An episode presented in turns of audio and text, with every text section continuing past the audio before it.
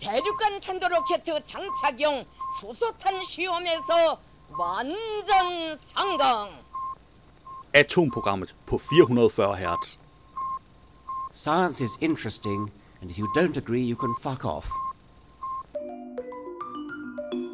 Mit navn er Flemming Håkær Sørensen, og du lytter til Atomprogrammet. Jeg har tre podcast med, vi skal høre klip fra den her gang. Det er videnskab.dk's Brainstorm, så er det Science Stories, og vi er nået dertil, hvor der også er et afsnit af Radionauterne for det yngre publikum. Jeg må nok indrømme, at øh, jeg lytter selv til Radionauterne med stor fornøjelse, og jeg har ikke nogen herhjemme, der øh, matcher øh, kategorien det yngre publikum. Øhm, men den er altså lavet til det yngre publikum. Nå, men jeg har også lidt nyheder med. Jeg har studie. Enæggede tvillinger er ikke så identiske, som vi tidligere har troet. Og det var faktisk en overraskelse for mig. Derfor stopper en vrimmel af tusindben toge i Japan hvert 8. år. Og nej, det er ikke fordi, de bliver trætte i benene og ønsker at køre med toget. Jeg har også ny flagermuseart opdaget i Afrika. Dum, dum, dum, dum. Og så har jeg... Forskere finder game changer. Nu kan resistente bakterier behandles. Ja, det må ligesom være... Øh, altså, den var meget tæt på at blive ugens nyhed. Skal vi ikke sige så, fordi det var da en god nyhed, var det ikke? Men ugens nyhed, det bliver 300.000 siders videnskab lige ved hånden. Og så slutter vi selvfølgelig det hele af med ugens opdatering fra NASA. Lad os kaste et hurtigt blik på, hvilke podcasts, der er dukket op i løbet af ugen. I denne uge er der en ny udgave af Videnskab.dk's Brainstorm podcast. Velkommen til Brainstorm. I denne episode har vi fået guldfeber. Vi har gravet i arkiverne og fundet fem gemte stykker hjerneguld fra anden sæsons mange interview med forskere. Mit navn er Asbjørn Mølgaard Sørensen. Og jeg hedder Jais Bakstom Kok. Velkommen, Velkommen til, til. Brainstorm. og Asbjørn, som man lige kan høre der, ja. så, så har vi lidt svært ved synkroniseringen, fordi at, øh, hvorfor? Jamen, vi sidder jo hver for sig. Vi sidder ja. hjemme hos os selv. Ja. Vi er adskilt. Og der er et eller andet med den der digitale forbindelse, som gør det helt umuligt at sådan sige noget på samme tid. ja, ja. ja. Så velkommen til New Normal uh, Brainstorm Corona Edition her. Ja. Men uh, det skal vi ikke svælge for meget i. Det var en lille bid af Brainstorm. Du kan naturligvis finde et link til podcasten i show notes. I denne uge er der også en ny udgave af Science Stories podcasten. Mutanterne kommer. Det lyder ligesom en Hollywood-gyserfilm, som Hitchcock har lavet. Men det er ikke en gyser. Det handler om SARS-CoV-2. Og vi sidder her i København på Statens Serum Institut, hvor jeg har foran mig Anders Fomsgaard. Og Anders Fomsgaard, du må lige forklare, øh, hvor mange mutanter er der til den her coronavirus? Ja, uha, der er jo rigtig mange. Vi begyndte jo at genbestemme eller sekventere virus der fra marts-april måned, og fra marts-april måned og så til nu her, øh, 10 måneder efter, der har vi fundet øh, øh, mere end 9.000 varianter, eller 9.000 mutanter.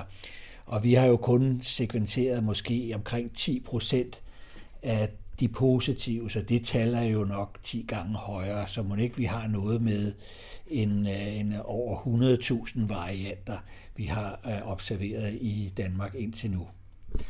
Men der er vel ikke noget mærkeligt i, at man har forskellige varianter, fordi virus kommer ud i, i mange forskellige versioner. Den muterer hele tiden. Den muterer øh, hele tiden, det gør den. Sådan en gang om ugen eller hver tiende dag, så sker der mutationer. Og det kan man jo, øh, det er jo ikke noget, som behøver at påvirke noget som helst. Det er jo kun fordi, vi bestemmer hele sekvensen, altså alle ved 30.000 basepar i sådan en, en virus. Og der er jo områder af virus, der kan mutere og variere, uden det har nogen som helst betydning. Så det er jo ikke det samme som, at en, en, altså en variant er en variant af, af betydning eller af bekymring. Der, der, er tallet jo betydeligt mindre. Vi opererer med noget med en 5-6 øh, mutanter på verdensplan, der har en vis øh, biologisk betydning, som gør, at man synes, varianten er af betydning. Det var en lille bid af Science Stories, og du kan naturligvis finde et link i show notes.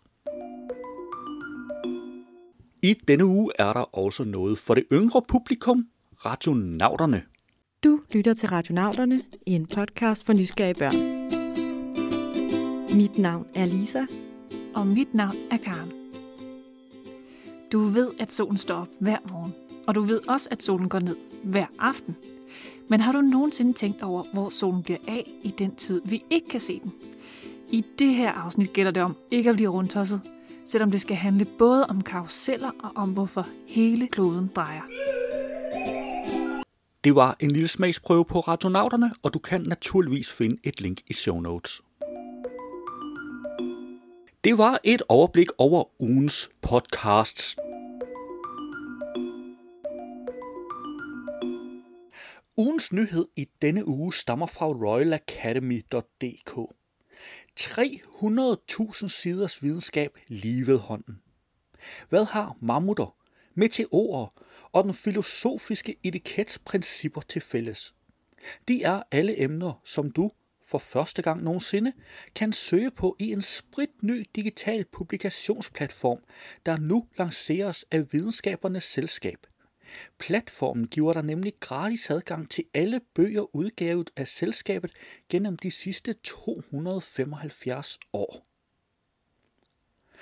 Hvad enten du er på udkig efter forskellige blækspruttearter, puniske gudebilleder, optegnelser over Knud den Helliges møntsamling eller de astronomiske observationer af Venus' passage forbi solen i 1769, eller bare et af tusindvis af andre emner, så er du kommet til det rette sted, når du går ind på publ.royalacademy.dk.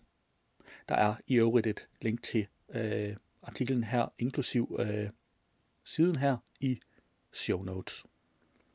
Lige siden etableringen af videnskabernes selskab i oplysningstidens Danmark har det været et fast punkt på dagsordenen at gøre videnskaben og dens landvindinger tilgængelige for alle.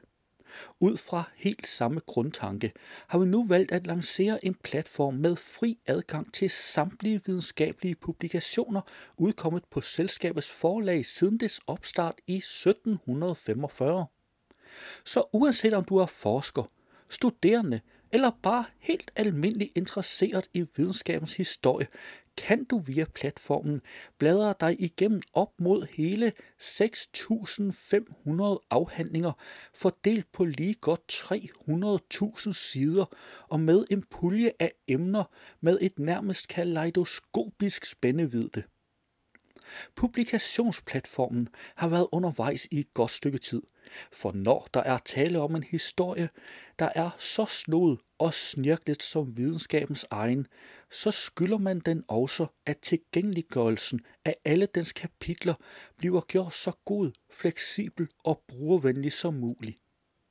Derfor har et helt team af eksperter lagt mange timer i udviklingen af et skræddersyet produkt, hvor der blandt andet er sørget for billedscanning af højeste kvalitet, søgefunktioner tilpasset den enkelte brugers behov og downloadmuligheder.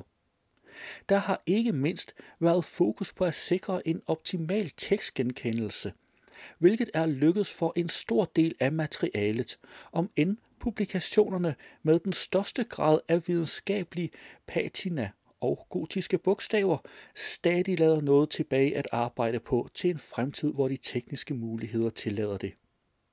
En af eksperterne i teamet bag er selskabets redaktør gennem mange år, Marita Arkhøj Nielsen, hvis kendskab til videnskabernes selskabs bibliografi er svært at konkurrere med. Det er herligt at kunne åbne videnskabernes selskabs skatkammer med forskningsresultater for alle. Der er så meget at læse og så mange fascinerende billeder at kigge på, at man bliver helt overvældet. Det er som en kæmpe slikbutik, hvor man bare må tage lige hvad man vil, og så meget man vil, siger hun begejstret om lanceringen. Hensigten er naturligvis at holde siden konstant opdateret med de seneste videnskabelige publikationer fra selskabet, og derfor frigives bøgerne på platformen til gratis brug kun et år efter udgivelsesdatoen. I mellemtiden kan de selvfølgelig fås hos selskabets webshop, hvor de også kan findes efter frigivelsen. Og så er der et link, så man kan prøve den nye publikationsplatform. Du kan naturligvis finde link til det hele ved at klikke i show notes. Lad os se på nogle af ugens nyheder.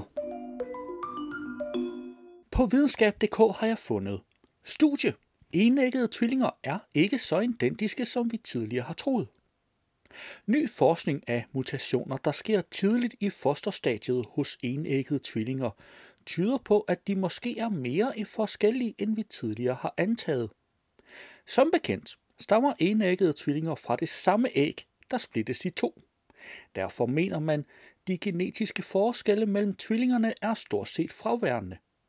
Men forskning publiceret i Nature Genetics viser, at der i gennemsnit sker 5,2 mutationer i DNA'et hos tvillingerne.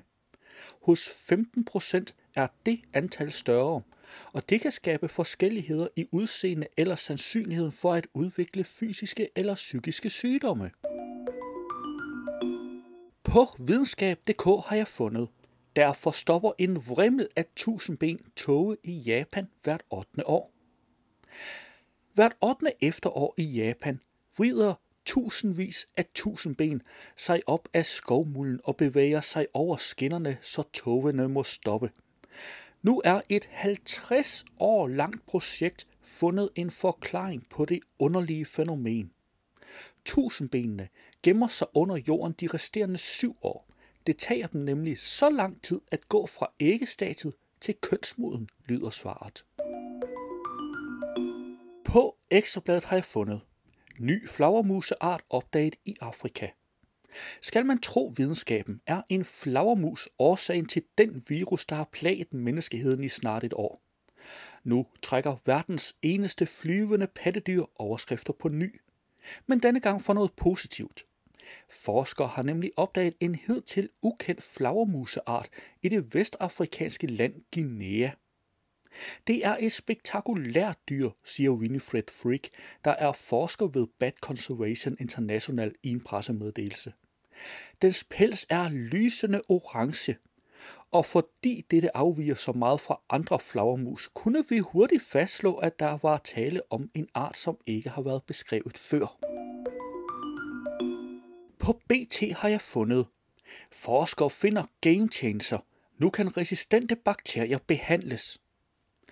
WHO har erklæret multiresistente bakterier som en af de største farer i den medicinske verden, fordi mange mennesker kan dø, når de ikke kan blive behandlet med antibiotika.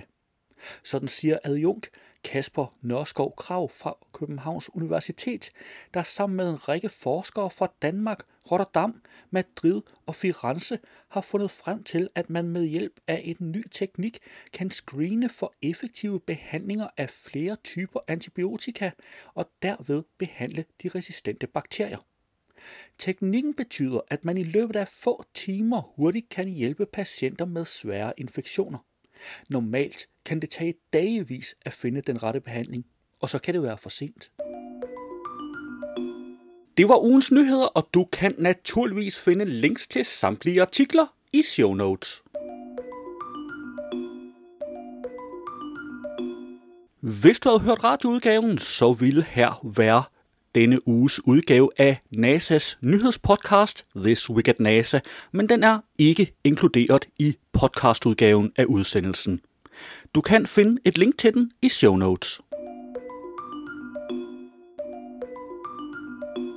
Det var atomprogrammet for denne gang. Du skal have tak, fordi du lyttede med, og vi lyttes ved næste gang. Atomprogrammet er hjemhørende på 440 Hz. Du kan finde mere på 440 Hz.net.